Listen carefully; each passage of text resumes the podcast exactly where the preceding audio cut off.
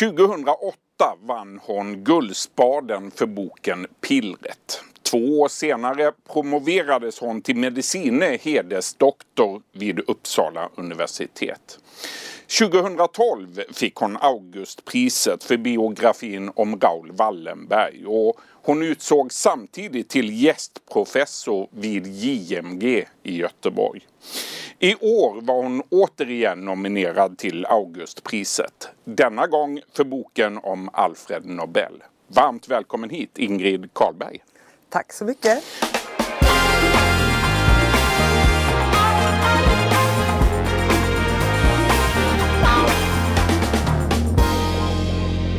Ingrid, eh, allra först när det här eh, sänds den 10 december då är det Nobeldagen. Vad betyder den dagen för dig?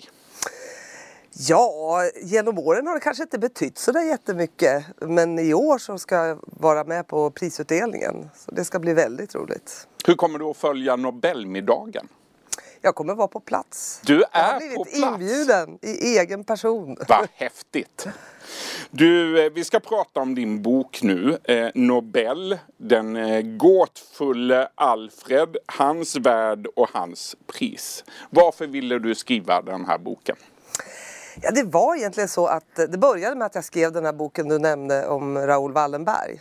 Och då upptäckte jag, jag har en bakgrund då som grävande och, und- eller, i grävande och berättande journalistik. Du har jobbat på Dagens Nyheter i många Dagens, år. Ja, i många år. Och eh, då upptäckte jag om man använder de arbetsmetoderna på historien så kan det bli väldigt spännande. Alltså att man följer en person och, och tecknar honom i sin samtid. Och med Raoul Wallenberg så förhöll det så, sig så att han, eh, han var en väldigt känd person men samtidigt okänd, gåtfull. Och det gällde ju i allra högsta grad även Alfred Nobel. Och när jag då började så att säga, skrapa lite på ämnet Alfred Nobel eh, så insåg jag att det aldrig skrivits egentligen någon bok där, där en oberoende bok som, där Nobelstiftelsen inte har hållit sin hand över texten eh, och över dokumenten med eh, fotnoter och baserat då på originaldokument. Då kände jag liksom den där utmaningen, den kan jag bara inte motstå. Det här är det roligaste jag har gjort har du sagt. Och att Ja. du hittade en guldgruva. Vad var det du hittade i den där guldgruvan? Så mycket. Jag, framförallt var det ju den här känslan. Jag hade aldrig kunnat föreställa mig att man skulle kunna komma så nära ett skeende på 1800-talet som man kunde. Det här, och det är både de här, den här guldgruvan som då finns i, i, i Alfred Nobels arkiv, alla breven. Liksom uppgörelser mellan bröderna. Det, det riktigt eh, fräser i texterna när man sitter där på Riksarkivet och läser. Du har Men sen- dammsugit arkiv Ja, i ja, fem absolut. länder. Ja, det- Och du har läst tusentals brev. Ja, absolut. Hur bar du dig åt för att hitta allt detta material?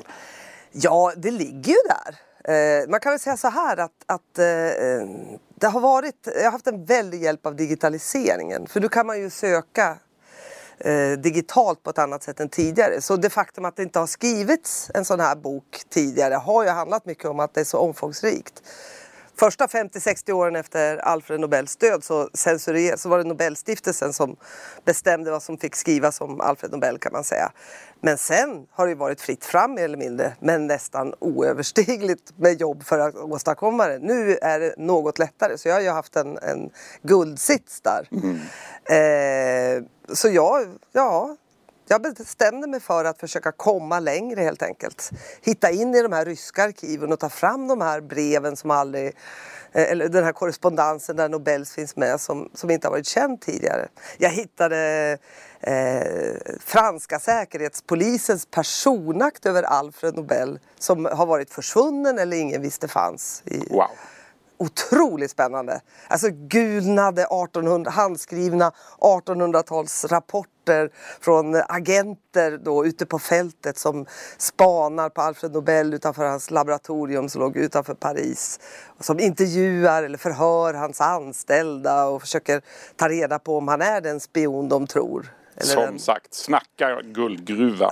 Du, eh, hur skulle du beskriva Alfred Nobel då? Hur var han som person?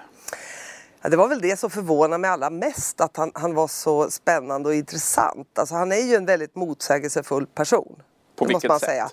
Ja, alla sätt du kan tänka dig. Alltså han, det, det som förvånar mig kanske mest var ju det att, att här har du då mannen som, eh, som arbetar med sprängämnen, uppfinner dynamiten och sitter hemma på sin kammare och skriver kärlekspoesi. Flera romanförsök som går och bär en hemlig författardröm hela sitt liv. Teaterpjäser också. Det här är också mannen som är extremt framgångsrik förstås. Inte hela livet, han fick kämpa hårt. Men när det väl lossnar så blir han ju snabbt en av Europas mest förmögna personer. Och samtidigt så ser man hur självkänslan vacklar och han, ibland kan det gränsa till självförakt. Så han är eh, en komplex person. Han är mm. blyg, omskrivs som blyg och lite nervös. Och i nästa sekund att han kan dominera ett middagssällskap med sin vitterhet och han är spirituell. Och så är han rolig också. Jag har skrattat många gånger åt citat i hans brev. Han är drastisk. Och eh, ja, flera kommentarer i hans brev har, har fått mig att skratta, mm. verkligen. Och det var oväntat. Du, Alfred Nobels pappa Immanuel, han var också uppfinnare och han tillverkade bland annat undervattensminor åt den ryska försvarsmakten. Var det därför Alfred Nobel blev uppfinnare? Ja, ah, inte uppfinnare tror jag. Han, eh, han har ju den där ådran. Liksom oerhört kreativ och uppfinningsrik. Men att han började med sprängämnen, det har med Immanuel att göra. För min bild är ju att Alfred Nobel hade nog aldrig hamnat i det facket.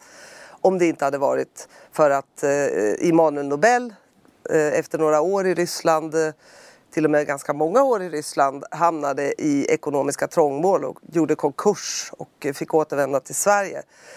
Så där var ett antal år i, år i Alfred Nobels liv som handlade om att få föräldrarna ekonomiskt på fötter igen, eller mm. familjen ekonomiskt på fötter igen. Och då var det enda spår de hade, eller som Immanuel hade, det var att fortsätta med sprängämnen. Så hade han hittat det här spännande nitroglycerinet han ville göra något av. Och då kallar han på Alfred från eh, Sankt Petersburg för att han ska hjälpa honom. Och det är så allting börjar för mm. Alfred. Eh, och jag har ju känslan, starka känslan att eh, han eh, genom, eller rättare sagt han uttrycker det ju själv. När han blir rik så är han frustrerad över att han fortfarande måste ägna så mycket tid åt de här sprängämnena för han har ju sina drömmar. Han vill skriva. Han vill skriva. Mm. Och han har också en dröm om att bli erkänd som eh, vetenskapsman. Han, han har ingen akademisk utbildning, han, eh, han, kan inte kalla sig vetenskapsman men han, han vill göra något för vetenskapen. Mm. Finnas med i de sammanhangen känner man. Så att eh, det där med sprängämnen, ja det var nog inte hans första prioritet i livet. Du, den, den 3 september 1864 då inträffar en oerhört eh, dramatisk och tragisk händelse. Bara ett stenkast härifrån vår tv-studio på Söder Mälarstrand i Stockholm. Alfred Nobels 21-årige lillebror Emil och fyra andra personer dör den här dagen. Berätta, vad var det som hände? Fem andra faktiskt. Fem andra? Det var ju då när Alfred hade återvänt från, då bodde ju i 20 år i Sankt Petersburg. Föräldrarna har återvänt med yngste brodern Emil. Alfred och Immanuel kallar på Alfred för att de ska göra, experimentera med nitroglycerin. De har i det här skedet, ingen har i det här, vid den här tiden en aning om hur farligt nitroglycerin är. För att eh, det man håller på med då det är att försöka få nitroglycerin att explodera. Och i och med att det är svårt att få det att explodera så tror man att det är ofarligt. I själva verket kan det självantända eller detonera av sig självt eh, under vissa omständigheter. Och det är förmodligen det som händer en dag då när eh, Emil står i laboratoriet, Alfred sitter i boningshuset på bottenvåningen en bit bort och plötsligt så sprängs hela laboratoriet i luften. Mm. Och det är ju så pass att alltså, fönsterrutor går ju sönder på, i, på Kungsholmen. Oj, oj, oj. Och, eh, ja, det är, och eh, sex människor dör som sagt. Hur påverkades Alfred Nobel av den här händelsen? Där, det är ju så att när den här olyckan händer så samlas ju familjen. Och, eh, så därför finns egentligen inte så många brev dem emellan om hur de reagerar Eh, Initialt? Eh, först. Jag vet att man kan se på eh, bevakningen i tidningarna att han drabbas av någon slags sån här panisk handlingskraft. Han måste försvara, försvara, försvara. Eh, så att det osmakliga historien är ju att Emanuel och Alfred går ut och säger att det var Emils fel, den här olyckan. Han måste ha hanterat det här sprängämnet fel. Men sen tror jag att här föds ju en del av det tungsinne som han har. Och har med sig genom livet. Eh, det här ligger, ligger väldigt tungt på hans axlar, att, eh, en känsla av skuld. Och det här är ju inte den sista dödsolyckan tyvärr. Eh, för det här problemet med nitroglycerin kvarstår. Mm. Alfred Nobel reser till USA och möts av 60 döda, nyheten om 60 döda på ett fartyg i Panama och 17 i en nitroglycerinexplosion i San Francisco hotas av eh, dödsstraff mer eller mindre. Så att, eh, mm. Men det är då han uppfinner dynamiten Just som är det. betydligt säkrare. Du, eh, var han en olycklig människa, Alfred Nobel? Ja, Långa han, han har ju svårt han är en ganska godtrogen person eh, och han får ju svårt, eh, han åker på, går på väldigt många bakslag i sitt affärsliv. Inte så att, att han hotas ekonomiskt någon gång, även om han skriver i breven hela tiden att ruinen är nära. Men däremot blir han ju sviken på ett sätt. Alltså han, han litar på människor som sviker honom. Och det händer ju också privat. Han har ju svårt... Eh, han, han är... Eh, eh, han, det är tydligt att när han blir rik så vill han bilda familj. Han köper ett hus, inreder ett eh, rum för den blivande frun där man till och med ska ha en liten bebisstol. Ett av de där fynden, när jag såg den fakturan eller den eh, offerten på ett rum med, med en liten bebisstol i, till Alfred Nobel i Paris så slog det ju till ordentligt i hjärtat. Mm. Alltså, för det blev ju aldrig så. Han eh, sökte en eh, kvinna som var intellektuellt jämbördig med honom. Han, han beundrade intellektuella kvinnor. Eh, ville ha en kvinna som läste böcker, tänkte spännande tankar. Eh, Men han och, hittade och henne aldrig? Jag tror egentligen han hittade henne i Berta von Suttner, fredspionjären och en blivande stor österrikisk eh, profil och författare.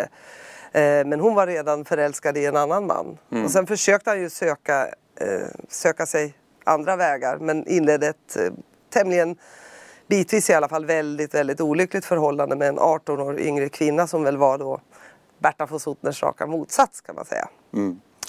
Vi har varit inne på det flera gånger nu. Han eh, drömde om att bli författare. Han skrev mycket. Varför, varför lyckades han inte bli författare då? Varför blev han ingen stor författare? Ja, jag har ju läst det så att jag förstår ju i och för sig.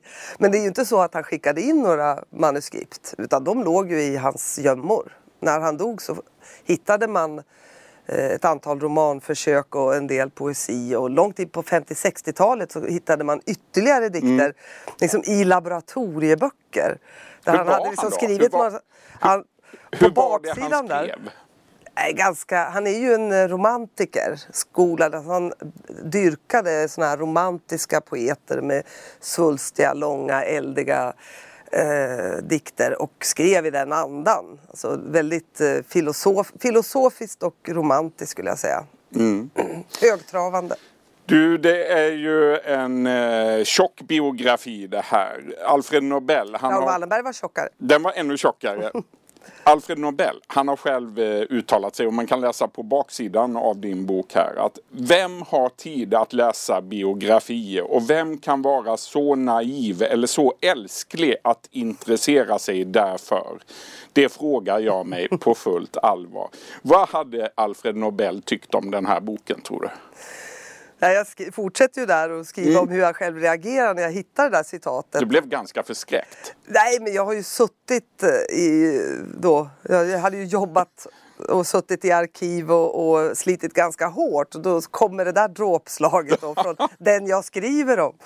Men eh, nej, men alltså eh, jag skrev, det jag förklarar för honom då jag tillåter mig att förklara för honom det är att jag skriver ju faktiskt inte bara om dig. Nu råkar jag ju tycka att han har ett spännande liv mm. och det är uh, hans hela den här dramatiska, uh, allt drama i hans liv tillför ju väldigt mycket plus alla släktfejder och så att det räcker egentligen att skriva om Alfred Nobels liv. Men jag har ju också velat berätta om hans samtid och allt som händer på de här områdena som han valde ut för sina pris. För hur ska man förstå Alfred Nobels beslut att skapa Nobelpriset om man inte vet vad som hände under 1800-talet på litteraturens område, medicinen, fysiken, kemin och med, med storpolitiken, krigen och freden. Så jag studsar ju liksom lite där. Och Mm. det undrar om han inte hade gillat det där greppet. Att det inte bara handlade om honom. Ursäkta. Den 10 december 1896 då dör Alfred Nobel i San Remo i Italien. Han har då tagit patent på 355 uppfinningar. Han har en förmögenhet på 33 miljoner kronor. En nästan ofattbar summa på den tiden. Och 31 miljoner av de här pengarna avsätter han då för att bilda en speciell fond som ska dela ut priset inom kemi, fysiologi eller medicin, litteratur och fredsarbete. Hur reagerade släktingarna på det här testamentet? Ja, de blir chockade. Eh, därför att eh, hur den var, det var ju nio tiondelar av hans förmögenhet som skulle gå till ett framtida pris. Och inte till dem. Det är ju hans brorsbarn då som också har stått honom ganska nära. För de sista åren av Alfreds liv så får han ändå lite av ett familjeliv. Så där eh, de här brorsbarnen spelar en väldigt stor roll. Så att det är klart att de blev väldigt besvikna. Eh, Det är inte så att de vill stoppa priset. eh, Men de tar ju, går ju till aktion för att få, få testamentet ogiltigförklarat för att kunna, som de säger, eller som de eh, resonerar, ge priset lite mer rimliga proportioner och dessutom få makten över det själva. Så Släktfejden det blir en fortsätter enorm- efter hans död. Ja, eh, och eh, det blir ett enormt drama där man då på ena sidan har testamentsexekutorn, eh, exekutorerna däribland Ragnar Schulman som är den store hjälten i Nobelprissammanhang. Och på den andra sidan har man då den, framförallt den svenska släkten som eh, vill försöka åtminstone återställa proportionerna som sagt i det här. Eh, och det finns ju scener här som, som är värda en roman i sig. Alltså när eh, släkten är på plats i Paris för att försöka driva testamentet enligt fransk rätt. För då vet de att det blir ogiltigt förklarat. På andra sidan har du då samma, samtidigt i Paris har du testamentsexekutorn Ragnar Schulman och den svenska konsuln som precis har börjat föra ut hela Alfred Nobels förmögenhet ur, sta, ur landet för att ställa, liksom, göra allting till fait accompli. Så de, de re, åker då igenom Paris i vagnar beväpnade med pistoler med, den här, med alla hans värdepapper i paket. Och en dag är det ju så att eh, de till och med, släkten kommer till konsulns kontor eller till hans eh, kontor och på ba, bara något rum bakom där konsuln tar emot släkten sitter då Ragnar Schulman och backar den här förmögenheten och de vill konsultera konsuln i hur de ska kunna få testamentet ogiltigt förklarat. Alltså det är drama på hö hög nivå. En fantastisk historia. Du Ingrid, eh, Alfred Nobel, han var ju själv uppfinnare men litteraturpriset det var självklart för honom att ha med i testamentet. Varför då? Ja, för att det var hans stora intresse. Alltså var hans passion. Det var ju inte bara det att han försökte skriva böcker. Han hade ju hela huset fullt av böcker också och läste eh, kopiöst med romaner. Eh, Så att jag tror ju när hans, att det, det var väldigt viktigt för honom att, att det skulle bli ett pris, ett Nobelpris i litteratur. Mm. Du skriver själv om eh, reaktionerna. Berätta. Ja, det är ju intressant när Nobelpriset då eh, offentliggörs, eller när det blir känt i januari 1897 så, så är det väldigt mycket reaktioner. Det slår ju verkligen ner som en bomb om uttrycket tillåts. Eh, och det är inte alla som förstår de här institutionerna han har valt ut. Det är mycket bråk kring Storting, mycket protester kring valet av Stortinget för fredspriset. Men också en del invändningar mot valet av Svenska Akademin för litteraturpriset. Och det intressanta är att där tycker till och med Svenska Akademin själva att de inte riktigt vill ta sig an det här och klarar vi verkligen det här. Eh, men det, det, finns också, det skrivs ju en del i spalterna och det här är en tid när, när Svenska Akademin är utsatt för mycket, tråk, mycket tråkande i medierna. Då också ska vi säga. Då, då också. Och eh, Hjalmar Branting som sen skulle bli svensk eh, statsminister, han var då socialdemokratisk riksdagsledamot. Och han skrev i tidningen Socialdemokraten så här, han tyckte det var ett skämt där att Svenska Akademin skulle få priset och han skrev så här.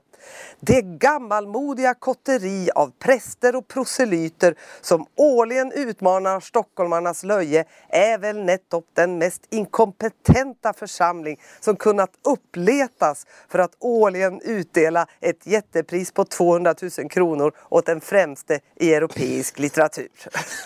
ord och inga visor. Det var ord och inga visor från Hjalmar Branting. Jag måste ju säga att jag tycker att Svenska Akademin ändå har klarat sig väldigt bra under 1900-talet. Givet eh, kritiken där i starten. Ja, det får man väl de ändå har säga. etablerat ett, ett pris på en hög nivå. Du Ingrid det. Karlberg, avslutningsvis. Nästa projekt för din del då, vilket blir det?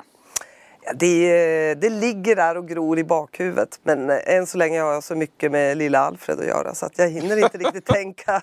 Men det blir fler Ja, biografier. det, nej, kanske inte biografi. Spännande i alla fall. Vi eh, rekommenderar er alla naturligtvis att läsa Ingrid Karlbergs bok om Alfred Nobel. Nu säger jag stort tack för att du kom till vår studio idag och lycka till framöver. Tack så mycket. Du har lyssnat på en podcast från Expressen. Ansvarig utgivare är Klas Granström. Ett poddtips från Podplay. I fallen jag aldrig glömmer djupdyker Hasse Aro i arbetet bakom några av Sveriges mest uppseendeväckande brottsutredningar. Går vi in med hemlig telefonavlyssning och, och då upplever vi att vi får en total förändring av hans beteende. Vad är det som händer nu? Vem är det som läcker? Och så säger han att jag är kriminell, jag har varit kriminell i hela mitt liv men att mörda ett barn, där går min gräns. Nya säsongen av Fallen jag aldrig glömmer på Podplay.